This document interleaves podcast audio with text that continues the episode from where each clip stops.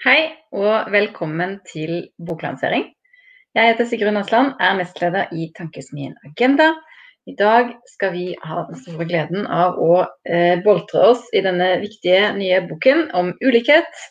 Eh, og aller først velkommen til deg, Sigmund Grønmo, professor emeritus fra Universitetet i Bergen og redaktør av boka. Hjertelig velkommen. Tusen takk for det.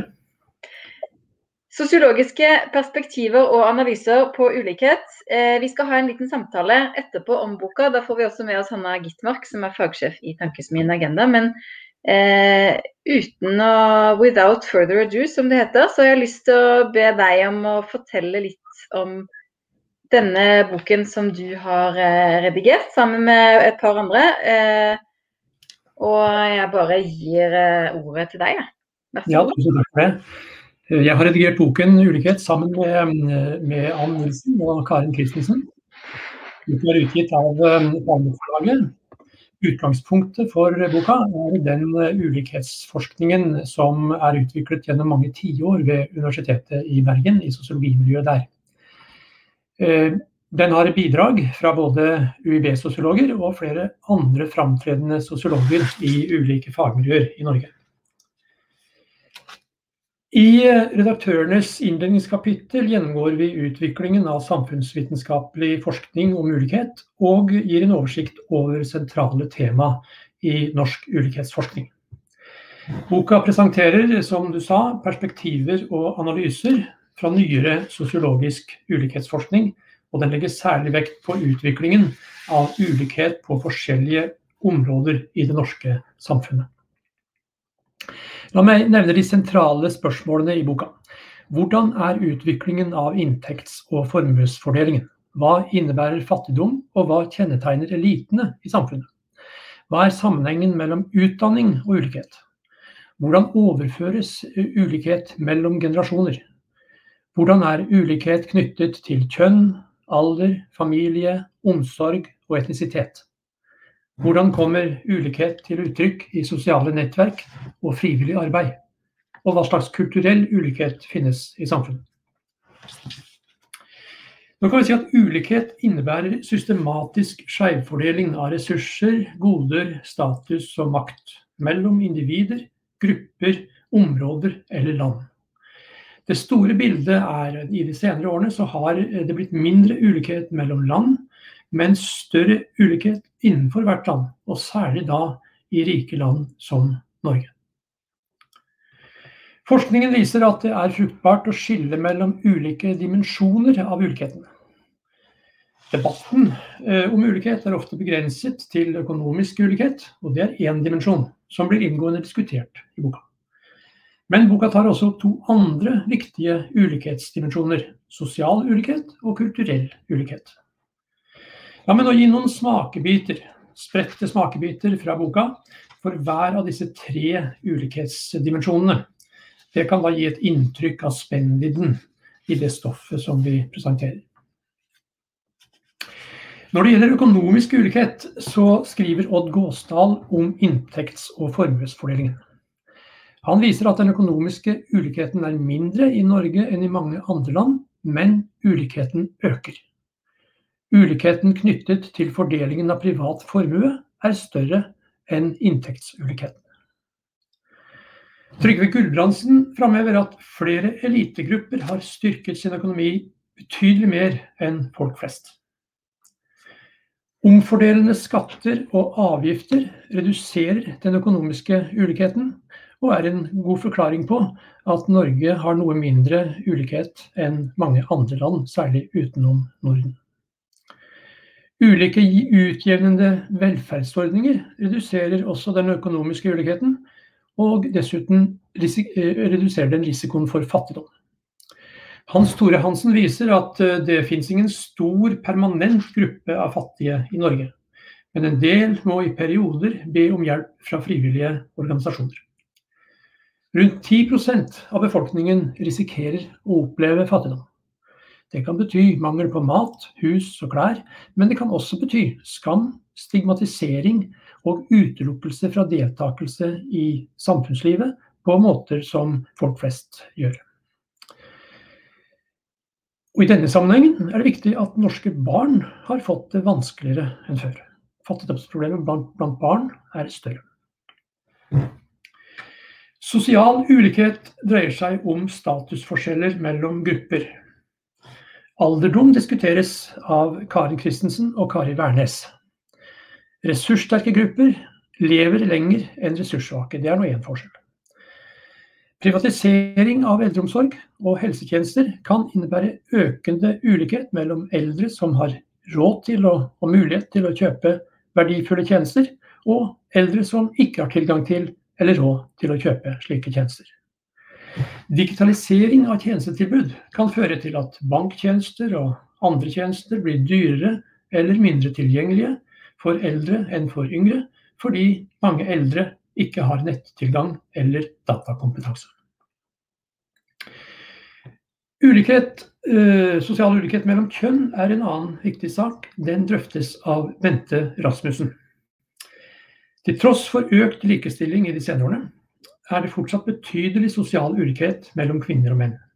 Det viser seg ikke minst i et kjønnsdelt arbeidsmarked.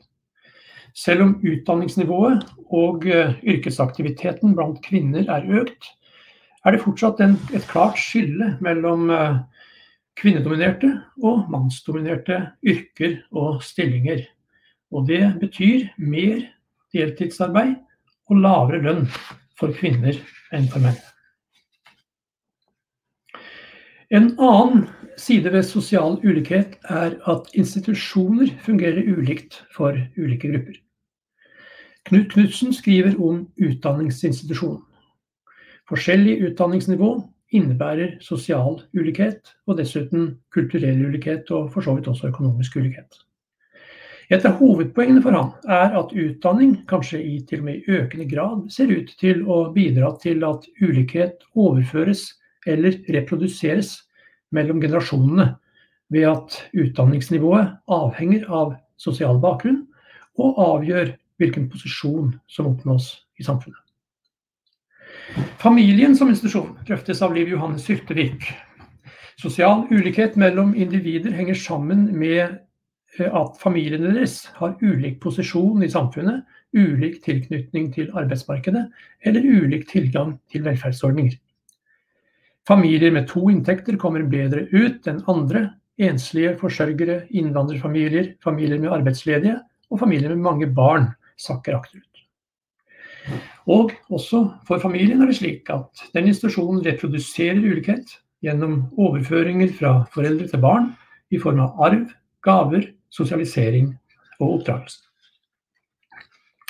En tredje side ved sosial ulikhet er at uh, relasjoner og nettverk har ulik betydning. La meg forresten først nevne at når det gjelder familien, så uh, blir uh, overføringer og endringer mellom generasjoner i ulike familier, også diskutert av Ann Nilsen i et eget kapittel om klasse, kjønn og sosial mobilitet. Og Lise Widing Isaksen og Maria Bykova gjennomgår omsorgspraksiser i forfamilier og, og ulikhet knyttet til velstående familiers bruk av aupairordninger. Så til relasjoner og nettverk som har ulik betydning for ulike grupper.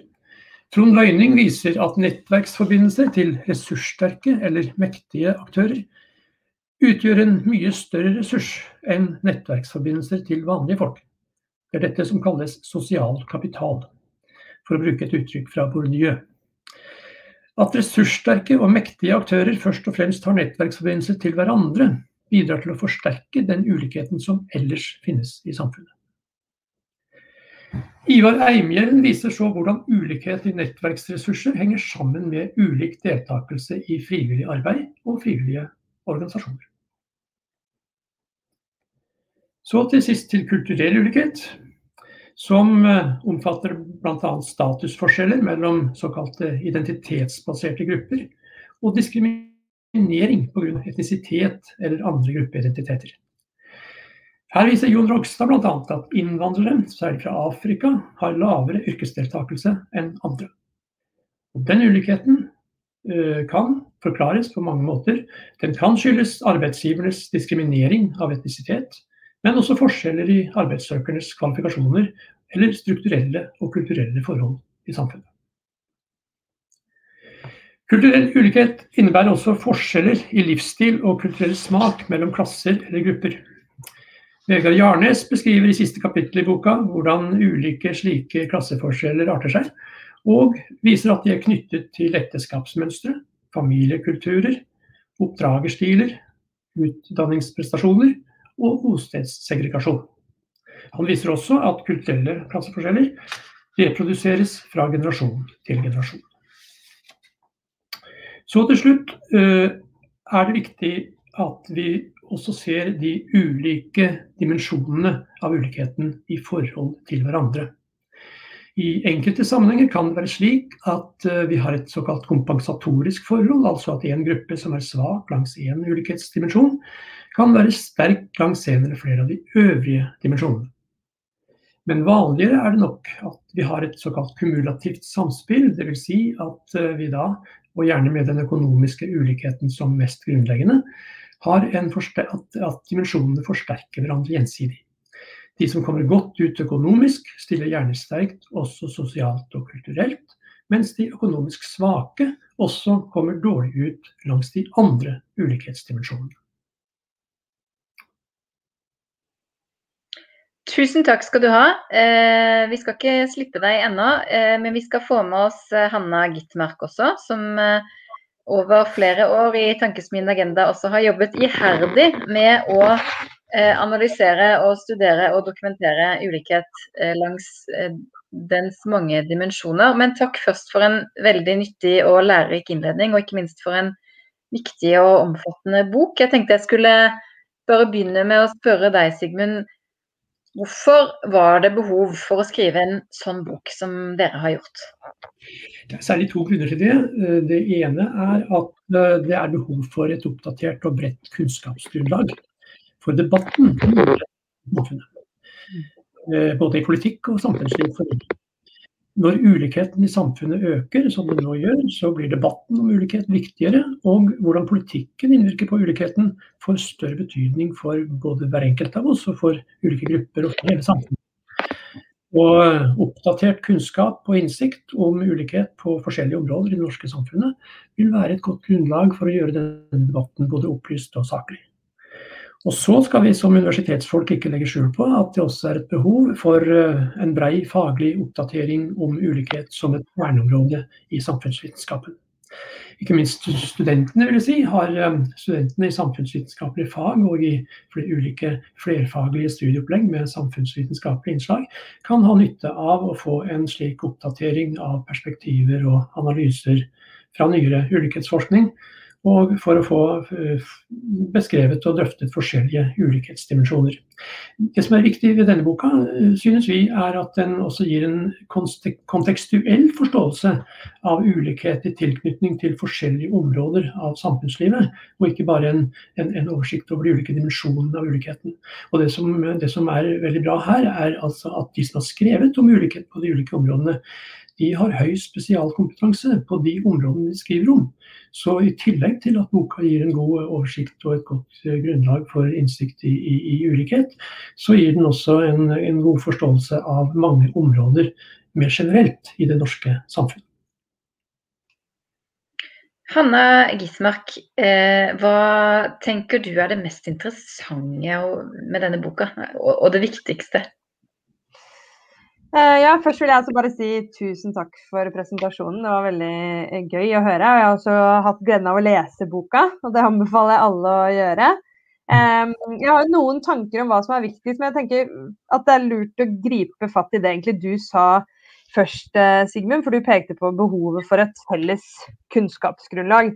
Og mens du sa det, så tenkte jeg at det er veldig riktig. Og spesielt nå i disse tider hvor vi har mye diskusjon om det. Om mangel egentlig på et felles faktagrunnlag når vi diskuterer ting. Eh, og at diskusjoner ofte avspores nettopp fordi vi diskuterer eh, ulike eh, ting. Så det at vi får påfyll av sånne ting som dette, som gir oss en felles ramme for det vi diskuterer, det er viktigere enn en noen gang. Um, og så har du eh, gått gjennom hva denne boka gir oss av konkret eh, innhold. Og mye som du sa, så er vi jo kjent i debatten med liksom, hvordan inntekt og formue er fordelt, og, og fattigdom eh, osv. Men jeg syns den har veldig mange spennende nye dimensjoner som ikke er så kjent fra debatten. Dette kapitlet om, om eh, aupairordningen f.eks., og hvordan det spiller inn og virker på ulikheten, er veldig interessant. Og også dette med ulikhet i, i, sosiale nettverk og når det gjelder frivillighet og klasse. Så jeg tror mange har mye å lære som ikke har eh, vært så oppe i debatten. Um, og så tenker jeg også det du sa, du kalte det kumulativt samspill. Det var liksom et morsomt begrep, men det betyr jo som eh, rett og slett at liksom, alt henger sammen med alt. Og når vi ser at ulikheten øker på, på noen områder, så får det altså ringvirkninger som igjen skaper en sånn selvforsterkende effekt. Det forklarte du også veldig godt, og det viser eh, denne boka. Um, og sånn som dere skriver i dette introkapitlet, så har jo ulikhet er på en måte et kjerneområde i samfunnsvitenskapen, og i sosiologien spesielt. Men det er det jo også i, i samfunnslivet og i politikken for øvrig. Altså Hvordan godene skal fordeles, er jo på en måte kjernetema for politikk. Og i noen land så er dette et spørsmål om liv og død, hvordan godene fordeles. I Norge er det heldigvis eh, i hvert fall for de fleste ikke eh, så alvorlig. Men vi ser jo også at ulikheten utvikler seg i negativ retning på samme måte her som andre steder. Så så det er veldig nyttig og viktig å samle brei kunnskap om dette. Så, og det er denne boka et veldig viktig og godt bidrag til forståelsen av, av ulikhet. Dere er jo innom veldig mange tema, Sigmund. Var det noe som overrasket deg særlig da dere jobbet med dette? Ja, nå vil jeg si at uh, Etter å ha drevet med samfunnsforskning og fulgt samfunnsutviklingen gjennom en god del tiår etter hvert, så, så, så, er det ikke så lett eh, å bli overrasket. Eh, det skal en del til, for å si det slik. Så eh, jeg vet ikke om jeg blir direkte overrasket over noen enkeltheter her. Men, men, det som kanskje vil overraske mange, var det som Hanna også var inne på. Altså at uh, denne ulikheten som vi ser i samfunnet, den er veldig omfattende og den er veldig mangfoldig. I den forstand at vi finner ulikhet på nesten alle områdene av samfunnslivet. Og ta f.eks. folks frivillige arbeid, som Anna også var innom, eh, som Ivar, Ivar Emjelen skriver om. Eh, han viser at folk med høy utdanning, høy inntekt og store nettverksressurser deltar betydelig mer i frivillig arbeid og i frivillige organisasjoner enn andre gjør. Eh, så er det sånn at Deltakelse i frivillig arbeid er verdifullt. Det gir erfaringer og kompetanse. Det styrker integrasjonen i samfunnslivet. Og det øker nettverksressursene som var viktig liksom, i utgangspunktet også for å bli med. Eh, sånn at ulikheten i frivillig arbeid også forsterker den ulikheten som ellers finnes i samfunnet. Og dette knytter for så vidt an til en helt aktuell debatt om eh, mangelen på minoriteters deltakelse i idrett og idrettsaktiviteter og idrettsorganisasjoner. Så, så, der gis det av Ivar Emjølen et mye mer generelt og bredt tilfang til forståelsen av, av denne eh, ofte litt usynlige, men likevel svært viktige delen av samfunnslivet. Eh, du, du, trakk jo fram noen, eh, noen tema selv, og så tenker jeg eh, jeg tror Ulikhet har jo blitt et spørsmål som er høyere opp på agendaen må man kunne si, i Norge også de siste årene enn, enn det det har vært tidligere. og Det skriver dere også en del om eh, årsakene til. Eh, men er det noen av kapitlene i boka som du tenker liksom særlig fyller noen hull, eh, og, og løfter fram noe som, som har manglet litt i debatten? Uh, ja, altså jeg tror kanskje at uh, vi da må begynne med helheten like godt jeg som, som enkeltkapitler. Fordi jeg tror det er viktig at uh, med en sånn bok at vi kan vise at som Hanna sa, alt henger sammen med alt. og at det samlet sett er ulikhet av et omfang som er mye større enn det vi får inntrykk av bare gjennom å diskutere økonomisk ulikhet. Fordi ulikheten har så mange så mange konsekvenser og så mange aspekter ved seg knyttet til det sosiale livet, til, til kulturen, til, til, motsetninger og, og, ulik, og, forskjeller på så mange områder. Eh, Eller så kan en kanskje nevne at eh, hvis vi skal trekke fram noen, noen, viktige ting som kanskje bør tas fram i debatten etter hvert, så det er klart at skatter, avgifter og velferdsordninger er jo alltid viktige tema. Det er jo det som politikken kan gjøre noe med. Eh, først og fremst. Eh, og som kan utjevne forskjeller som finnes, som, som finnes i inntekts- og, og formuessammenheng. Men i tillegg så tror jeg kanskje at omfanget av deltidsarbeid i kvinnedominerte yrker eh, er viktig å trekke fram, og hvordan det opprettholder ulikheten mellom kvinner og menn i en utvikling som ellers preges av viljen til og ønsket om likestilling og, og utjevning av forskjeller etter kjønn. Og dessuten tror jeg hvis jeg skal nevne ett tema til, at uh, integrering av innvandrere uh, Hvordan den kan redusere den kulturelle ulikheten, samtidig som vi tar vare på det flerkulturelle mangfoldet. At det er en viktig side ved ulikheten i samfunnet, nå, som innvandringen har økt gjennom mange år. Og hvor vi har sett stadig at mye av ulikheten ellers blir preget og forsterket av at innvandrere ikke er godt nok integrert verken i arbeidsliv, særlig i arbeidsliv, men også i samfunnet ellers. Jeg har fått et, eh, et, spørsmål fra en som ser på, som eh, jeg lurer på om dere kan, eh, som går til dere begge. Og vedkommende spør er det noen ulikheter som har blitt redusert de siste 30 årene. Er det gjennomført politiske tiltak som har positiv effekt? Det er jo deprimerende hvis alt blir verre, til tross for at dette har vært diskutert forholdsvis lenge. Har dere, hva har dere å si til det? Skal jeg begynne der, så, så, vil jeg eh, for så vidt trekke fram i forlengelsen av det jeg sa om kvinner og menn. Eh, altså at På likestillingsområdet har jo mye skjedd i Norge. Mm. Vi har jo likestilling i politikken som fra, fra midten av 70-tallet og framover. Der det legges mye større vekt på å få uh, minst 40 av hvert kjønn inn i, inn i, politiske verv og inn i politiske uh, fora og, og beslutningsorganer. Eh, vi har også en veldig oppsiktsvekkende norsk innovasjon i eh, styrene i, eh, i næringslivet. Der en, en, en minister fra, fra, Høyre introduserte og, og innførte altså kvoteordning for, for, for, etter kjønn for styrene i de store allmennaksjeselskapene. Og Det har vakt stor internasjonal oppmerksomhet og uh, fått uh, måte, oppfølging i mange andre land også. Så på, på, dette området, som eksempel på ting som uh, på dette området finner vi eksempler på ting som har gått den riktige veien. Men som jeg sa, det er altså en del igjen, spesielt når det gjelder kvinner og yrkeslivet. Du kan kanskje få svare på det, Hanna, men så kom det ett spørsmål til som jeg skal snike inn før du får ordet. Som du Bare for at det ikke skal bli for lett for deg. Eh, og det er en som spør hvordan utvikler ulike ulikheter seg i Norge sammenlignet med våre nærmeste naboland? Det kan du få si litt om, Hanna. Og så kanskje også forlengelsen av det Sigmund sa. Er det noe som har blitt bedre? Ja. Eh, ja, jeg kan jo svare på det første først. Altså, jeg er helt enig. Det er jo begredelig å holde på med politikk hvis man ikke man ikke kan se tilbake og tenke på at noe er blitt bedre. Og dette med kvinner og menn er jo en av de største forskjellene.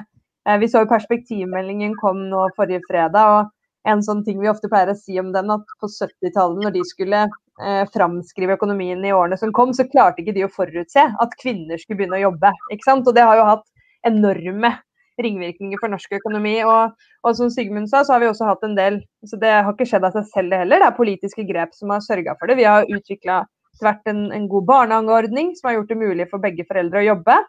Og også disse styrevervene som vi må gi æren til Ansgar Gabrielsen for, som har veldig eh, god og spennende politikk. Eh, men så, sånn overordna, så er det jo blitt verre siden 80-tallet. Det er da utviklingen begynte å snu.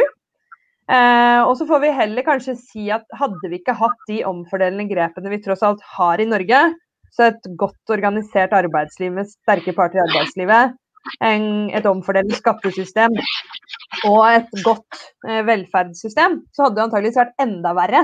Og det ser vi jo ikke i statistikken, men jeg tror det får være lyspunktet. Eh, og så kunne det jo vært enda bedre, selvfølgelig fordi ulikhetene fortsatt har økt. Og til det andre spørsmålet, så det er jo denne trenden med økende ulikheter i formue og inntekt. Det ser vi i alle vestlige land, som Sigmund innledet med å si, altså internt i land eh, siden 80-tallet. Og, og, i Norge, så hvis man regner det rent sånn prosentuelt, så har jo økningen vært større her. Men det er jo fordi nivået selvfølgelig er lavere. Men vi har hatt en ganske stor økning, eh, både når det gjelder inntekt og formue i, i Norge, til tross for da eh, de omfordelende grepene vi, vi, vi tross alt har, da. Eh, til deg, Sigmund. Det kommer mange spørsmål. Jeg får ikke tatt alle, men jeg skal ta et til eh, før eh, vi går litt videre. Og det er til deg, Sigmund. Det er en som lurer på om dere har vært innom den geografiske dimensjonen av ulikhet, sentrum-periferi. Nei, i denne boka har vi ikke det. La meg nevne at, eh, at, det er en, en eh, annen ulikhetsdimensjon altså som, som, vi ikke har tatt opp. Det finnes også andre dimensjoner. Politisk ulikhet, kunnskapsmessig ulikhet, miljømessig ulikhet, for å nevne dem. I tillegg til den geografiske uh, ulikheten. Men det er også klart at uh, en del av det som står her, det, det henger jo mye sammen også med sentraliseringstendensene vi har sett i de senere årene. Og den bidrar jo også til å sette søkelyset på sosial ulikhet av mange slags uh, former. Men vi, jo, vi er for så vidt inne på forskjeller mellom, uh, mellom by og land. altså Odd Gåsdal peker f.eks. på at den uh, økonomiske ulikheten er større i byene enn den er på landsbygda eller, eller i mer perifere strøk, eller i mer rurale strøk. Da. Det er for så vidt ikke spesielt overraskende, men det er jo, det er jo grunn til å til å få det fram. Akkurat som ulikheten er større blant menn enn blant kvinner, hvis man først skal gå inn og sammenligne på ulike subnivåer her. Hanna, eh, Sigmund innledet eh, i sted med å si at eh, et ønske med denne boka var å gi debatten et litt sånn felles eh, kunnskapsgrunnlag. Hva, eh, hva, synes du om debatten om ulikhet? Eh, hva kan vi si om den? Det er jo veldig mye å si om dem, men en av altså, Litt sånn som du sa i stad, så er den jo flytta seg veldig de siste årene. For bare noen få år siden så hadde vi en debatt både i Norge og internasjonalt hvor veldig mange ville hevde at det å ha ulikhet i et samfunn var ikke noe farlig. Um, og de ville si at det kunne være bra fordi det motiverer til innsats, og så hele den eh, regla der. Og i dag så vet vi jo mye mer om konsekvensene av for store forskjeller. Vi vet at det bidrar til maktkonsentrasjon. De som har mye penger, de får mye økonomisk makt, som også kan bli politisk. Og det mener jeg at vi har sett eksempler på også i Norge. Og Så vet vi at land med store forskjeller de har en rekke samfunnsutfordringer. De har mindre tillit, lavere sosial mobilitet og også mer kriminalitet og lavere levealder. Og så vet vi også at det er dårlig for økonomien. Men det er et sentralt poeng, for det også som Sigmund drøfter i i åpningskapittelet i boka si, så viser han til at ofte så knyttes ulikhet sammen med noen andre verdier som frihet og effektivitet. Og ofte så har man tenkt at det er en avveining mellom effektivitet og ulikhet. ok? Det er et nødvendig onde da, ved, ved å ha effektivitet eh, som mål, er at da må man akseptere store forskjeller. Men der har også debatten flytta seg, fordi man mener ikke lenger at det er en avveining, veldig mange i hvert fall, da, mellom effektivitet og ulikhet. For man ser jo også at i samfunn med store forskjeller, de er også mindre effektive. Når en stor andel av befolkningen står utenfor arbeidsmarkedet, så bidrar ikke de til å skape vekst i økonomien. Og vi vet at når eh, barn vokser opp i familier uten muligheter til å ta utdanning, og kanskje det er den neste eh, Bill Gates, eller neste som finner opp en viktig vaksine, blir født i en familie med små, små ressurser, og I tillegg så vet vi at, at um, hvis store deler av befolkningen har veldig dårlig kjøpekraft, så bidrar jo de heller ikke til å holde hjula i økonomien i gang. Og Derfor så ser vi også at, at selv på en måte miljøer som OECD og IMF, altså som ikke er tradisjonelt venstrevridde miljøer, nå er veldig bekymra for for store forskjeller. Fordi man, Det er ikke lenger bare et spørsmål om, om moral eller rettferdighet, men også et spørsmål om hva som er bra for um, økonomien. Um, og så vil jeg gjerne bare dvele litt, fordi på en måte er det veldig bra at debatten er flytta. Alle i Norge nå f.eks., i hvert fall nesten alle, er enige om at det skal være et mål for politikken at vi skal ha små forskjeller. Og vi slår oss veldig på brystet med det i debatter. at Jeg hørte Jan Tore Sanner innledet om perspektivmeldingen eh, på Politisk kvarter forrige uke. Det første han sa, var at Norge er et samfunn med små forskjeller og høy tillit. Og det er bra, men det kan også tilsløre debatten litt. For det gir også et inntrykk av at alle jobber for å holde forskjellene små. Eh, og det er jo ikke eh, realiteten. For vi ser jo at de fortsetter å øke, og at det på langt nær gjøres nok. Og nå mener jeg at vi har en del eksempler på at vi gjør det motsatte. Vi innfører politikk som vil øke forskjellene. Og det er jo faren, da. Ved at vi tilsynelatende ser så enige ut. Eh, selv om jeg jo mener at det er et gode dersom et felles mål da, om ulikhet kan føre til at vi faktisk får til et samfunn med mindre forskjeller. Men da håper jeg jo da at et sånn felles faktagrunnlag som dette kan bidra til at vi i hvert fall eh, starter debatten på samme sted. At vi er enige om hva som er eh, realitetene når vi begynner å diskutere løsninger. Hva tenker du om det, Sigmund? Hvordan har denne debatten endret seg i den tiden du har jobbet med disse spørsmålene?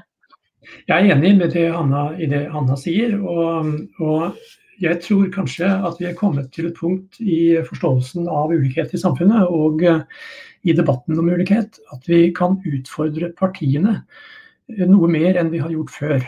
Og Det er en appell jeg har også til politiske journalister og kommentatorer og, og programledere i radio og fjernsyn, eh, som ofte stiller politikere til verks til veggs, men, men, de spør da gjerne om, hvis de får et forslag eh, i, i spill, hva koster det, og hvor skal dere ta pengene fra? Jeg syns at man skal begynne å spørre hva betyr det for ulikheten? Vil den øke? Vil den minske? Eh, hvem blir eh, rammet, og hvem tjener på dette forslaget?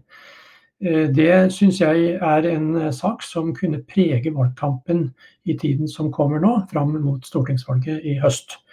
Eh, det ville bidra til å sette søkelyset på hvor eh, mye realiteter det er i de ulike partienes eh, uttrykte ønske og vilje om å få til små forskjeller og mindre ulikhet. Det ville bidra også til å gjøre valgene mer eksplisitte, altså valgene mellom ulike typer standpunkter. Noen vil da kunne si at vel gir det mer ulikhet, men vi, vi, vi foretrekker her eh, likevel dette forslaget fordi det vil bidra til større effektivitet, eller det vil bidra til større økonomisk eh, utbytte, eller slike ting. Men det må i hvert fall da må gjøre dette eksplisitt. Og så får folk vite mer konkret hva, hvordan ulikheten påvirkes av dette, og ikke bare budsjettvirkningene. Dette kunne en faktisk gjøre også i forbindelse med offentlige utredninger av store reformforslag. Eh, nå er det altså ofte i mandatet til slike utredningskomiteer at de skal vurdere budsjettvirkninger og økonomiske konsekvenser av de forslagene de kommer med. La oss innføre en eh, siste del av mandatet. Hvordan vil forslagene virke inn på ulikheten i samfunnet på ulike områder? Eh, vil det bli mer økonomisk ulikhet? Mindre sosial ulikhet? Vil det påvirke den kulturelle ulikheten? Hvem tjener og hvem taper på dette? Og det vil også bidra til i langt større grad å kunne ta, uh, uh, slike, ta en kvalifisert stilling til slike forslag fra de offentlige utredningskomiteene f.eks. Så, så dette tror jeg nå er noe en kan uh, nærmest etter hvert begynne å forlange. Hvis jeg bare kan få på, Sigrid. For jeg, jeg syns dette var en veldig god idé, ikke overraskende. For i, i en sånn annen ting da, som, som eh, Sigmund peker i sitt på en måte åpningskapittel i boka, er jo at synet på ulikhet henger jo tett sammen med aktørene og debattantenes interesser. ikke sant? For de som er rike og mektige, så er ulikheten mindre problematisk enn den er for de som har minst, altså de fattige og de som, de som har minst i samfunnet. Og derfor, så, som jeg sa i stad, når forskjellene blir store, så kan det føre til maktkonsentrasjon. Og det ser vi litt i debatten, fordi når det skal gjøres endringer, som Sigmund sier, så spør vi ofte hvor mye koster det og hvor skal vi ta pengene fra? Og så er det noen med tunge økonomiske interesser som får si dette har vi ikke råd til, dette vil være helt forferdelig for næringslivet, dette, dette er ikke bra for norsk økonomi. Og så er det ingen som får svare for ok, men hva skjer med ulikheten, hvordan bidrar dette på en måte trinn etter trinn til å øke forskjellene. Så syns jeg var et veldig eh, godt forslag som kan motvirke også de typiske stemmene som får eh, uttale seg i, i sånne type spørsmål i dag. Da. Hvis jeg kan hekte meg på litt der, så vil jeg bare vise også til Trygve Gulbrandsens kapittel om eliter. Der han viser at uh, elitene nettopp uh, stiller seg mer velvillig og, og, og forstående til, uh, og aksepterende til økende forskjeller i, i samfunnet enn folk flest gjør. Vi eh, skal gå litt eh, inn på løsninger. Dette er jo en innføringsbok i ulikhet. Det er jo ikke en eh, bok som i hovedsak tar for seg løsninger, men du har jo likevel foreslått en veldig konkret løsning. Og så tenker jeg det kunne jo være en, løsning om denne, kom, denne, boken kom på pensum blant mange studenter i bl.a. sosiologi. Men men du Hanna jobber jo mye med å foreslå løsninger, uh, og det er 2021 og det er valgår, så vi skal ikke uh, hoppe helt over løsningene likevel. Eh, hva er det du tenker er det viktigste vi gjør, Hanna, for å redusere forskjeller? Når vi snakker om hva som skal til for å redusere ulikhet, så pleier vi å oppsummere det i tre. Og Det første er, som, skal, som bidrar til å holde ulikhetene små, er et godt organisert arbeidsliv med en såkalt sammenpresset lønnsstruktur. Og Det betyr også at lønnsforskjellene er små. Så når vi skal begynne å fordele seinere gjennom velferdssystemet og skattesystemet, så, så, er utgangspunktet godt hvis vi har klart å holde lønnsforskjellene små. Og det har vi jo i Norge gjennom mange år, men vi ser at, at forskjellene i lønn øker også her. Og vi ser at over tid, da, så det som når, når, når penger blir skapt i Norge, det som går til kapitaleierne og det som går til lønnstakerne, er blitt skeivere. Så kapitaleierne får mer av den totale verdiskapingen nå enn de gjorde før. Eh, og så er spørsmålet hva politikken kan gjøre for å ordne opp i dette. De kan jo for det første gjøre det mer attraktivt å organisere seg gjennom å øke fagforeningsfradraget. Og de kan jo bruke trepartssamarbeidet og gi det enda mer innflytelse enn i dag. I dag så har vi en regjering som, som har sagt at de aktivt anerkjenner retten til et uorganisert arbeidsliv. Og det syns jeg er helt eh, det er veldig overraskende og oppsiktsvekkende i en tid hvor, hvor de fleste er opptatt av å øke organisasjonsgraden. Og så over til velferds- og skattesystemet. Det omfordeler jo da etter at lønningene er fastsatt. Men studier, og de, de vises også i boka som Sigmund har vært redaktør for, viser at det norske velferds- og skattesystemet omfordeler masse. Hvis vi legger til betydningen av det, så ser vi at ulikheten i statistikken reduseres kraftig. Eh, men over tid så ser vi at det norske skattesystemet også har blitt mindre omfordelende. Det har SSB vist. Og en fersk studie som kom i høst, viser jo at det faktisk ikke er så progressivt og vi tror at faktisk de aller, aller rikeste i Norge de betaler mindre skatt enn en lærer gjør. Og Det tror jeg er overraskende for mange. Så her er det også behov for å rydde opp. Både sørge for at vi skattlegger kapital mer enn i dag, um, og inntekt mindre, spesielt for de som tjener minst. Men også at vi sørger for å tette hull, som i dag gjør det mulig å ja, bevare pengene sine i, i, sparebøsser for å kanskje få en mulighet til å ta dem ut en gang i framtida og i realiteten betale eh, lite skatt. Så det er, det er, mange ting politikken kan gjøre, eh, både i seg selv, men også i samarbeid, da, spesielt med partene i arbeidslivet. Så det er ikke noe grunn til å henge med huet. Vi har på en måte lista klar, men det krever jo et krafttak. For vi ser at selv om vi har hatt en del omfordelende grep de siste 40 årene, så har ulikhetene økt. Og da må vi i hvert fall ikke som et minimum redusere de grepene vi har, men vi bør jo gjøre mye mer enn det, nemlig å både forsterke dem og finne noen nye, gode grep. Da, for å sørge for at, eh, at vi, vi, eh, reduserer forskjellene i årene som kommer. Sigmund, hvor eh, bekymret har dere blitt i arbeidet med boka, hvis man kan gradere det? Og, og hva vil du, hvis du skal trekke frem noe du mener man kan gjøre i tillegg til det du allerede har tatt til orde for, hva, hva er det som er viktigst? hvis man skal se på løsninga? Ja, det er jo klart at Vi konstaterer jo at uh, ulikheten øker på flere områder. Og når ulikheten øker, og hvis vi legger et grunnleggende likhetsideal, eller en likhetsverdi, til grunn, så, så, vil det jo da bli mer presserende enn før, sånn som Hanne sier, Hanna sier, å bevare mekanismene som kan redusere disse forskjellene. Nettopp for å motvirke at ulikheten øker enda mer og enda raskere. For det vil være konsekvensen av at vi ikke utvikler videre de grepene og de mekanismene som, som, som kan motvirke uh, motvirke ulikhet. Jeg eh, ser naturligvis på som en hovedforklaring til at Norge, i likhet med flere andre nordiske land, har mindre ulikhet samlet sett enn mange andre land eh, i, den vestlige verden. Eh, det er altså at vi har et utjevnende skatte- og avgiftssystem, og at vi har omfordelende velferdsordninger, altså overføringene. Dette er det jo viktig da å ta vare på og videreutvikle. Eh, hvis vi skal eh, redusere ulikheten, eller i hvert fall motvirke den. Jeg vil også legge til at uh, sysselsettingen, arbeidsmulighetene, arbeidssituasjonen er kjempeviktig.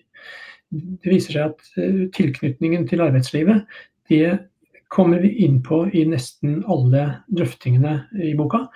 Det å få flest mulig arbeid, og det å gi heltidsarbeid, ikke deltidsarbeid, til dem som ønsker heltidsarbeid, blir også viktig her. Ikke minst for forskjellen mellom kvinner og menn.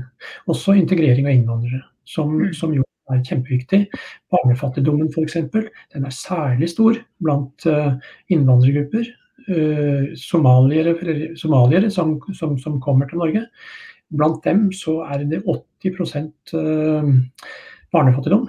I motsetning til rundt 10% i samfunnet ellers.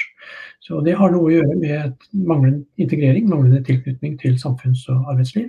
Så, så disse, disse, poengene her eh, blir, eh, blir, i hvert fall viktige, eh, i tillegg til mange andre, selvfølgelig.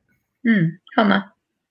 Ja, jeg syns dette Sigmund sier er veldig viktig. Og det viser jo litt Jeg er jo litt i sånn perspektivmeldingmodus siden den kom på fredag. Men, men det, jeg tror noe som, som sånne type meldinger også under, underkjenner, er jo at noen grep er jo utgifter i dag og i morgen. Men så kan de gi inntekter på sikt.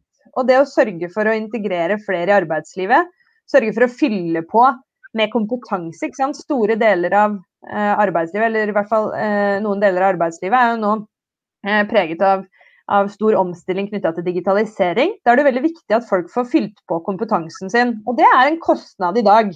Og det er også en kostnad i dag å sørge for norskopplæring og gode, gode kvalifikasjoner til en del innvandrere. Men på sikt så kan jo det gi oss inntekter. For det koster masse at folk står utenfor samfunnet. Eh, både sosialt selvfølgelig, men også økonomisk. Så, så det synet på, på, å bruke velferdssystemet sånn som en investering, syns jeg også er viktig å få fram. Og så En sånn refleksjon til. For nå har jo ulikhetene økt mye de siste 40 årene. Og så står vi akkurat nå da, oppi den største økonomiske nedturen siden andre verdenskrig. Eh, 12.3, det er snart et år siden, så stoppa Norge helt opp. Eh, og det har jo også forsterka en del av disse tingene. ikke sant? Vi vet at de som har mista jobben, det var folk som fra før hadde lav utdanning og lav inntekt. Og de er ofte partnere som også har lav utdanning og lav inntekt. Og vi vet nå at folk sliter med å betale strøm- og telefonregningene sine. Dette er én del av det norske samfunnet, mens den andre delen de har trygge, faste jobber og har aldri spart så mye penger som nå. Koser seg med lavere boliglånsrente og savner familien og, og kjenner på mange av tingene selvfølgelig rundt korona, men rent økonomisk så, så, påvirkes de ikke. Og vi vet også at unge som kommer ut i arbeidslivet under, eh, under sånne situasjoner som dette, kommer til å slite i mange, mange år. Så så en del av de forskjellene vi hadde, er jo nå forsterka. Så det betyr jo da, dessverre, og ikke så optimistisk, at, at, jobben blir jo enda større. Men desto viktigere for politikere som, som ønsker å gjøre noe med det. Bare følge opp eh, kort til deg, Hanna, der, fordi vi nevnte at det er også et valgår. Eh, tror du det siste året, som jo åpenbart eh, har eh, økt forskjellene på, på mange områder, tror du det kommer til å bety noe for hva ulikhet får av rolle i valgkampen? Det håper jeg. Jeg tror vi har fått synliggjort en del, vi har fått synliggjort en del samfunnskritiske jobber. ikke sant? Eh, folk som jobber i butikk under en pandemi er helt avgjørende viktige. Vi har fått synliggjort hvordan eh, en del folk har det på jobben, og hvor usikkert arbeidsmarkedet i deler av landet faktisk er. Og vi har fått synliggjort de forskjellene som jeg nevnte i stad, som har ligget der hele tiden, men som nå er blitt enda viktigere. Si at du, eh, du tjente eh, litt under 350 000, da, eh, som er vanlig lønn i hotellbransjen eller restaurantbransjen før korona. Nå får du, for heldigvis, fordi partiene i opposisjonen har forhandla opp støtten, så får du nå 80 Det er under 300 000. Og du jobba kanskje ikke fullt, og kanskje du fikk mye av lønna tilknytta overtid og og, og vakter som ikke, som ikke, var fast. Så det betyr at du får mye mindre enn du hadde, og du hadde allerede dårlig råd. Og det er jo ikke bra at det tok så lang tid før, vi, før mange så dette, men jeg håper at flere i hvert fall har fått øynene opp for hvor dårlig stilt det står til i deler av det norske arbeidsmarkedet, og også hvor dårlig ordningene faktisk eh, har vært. Så det håper jeg vil påvirke eh, også dette valget.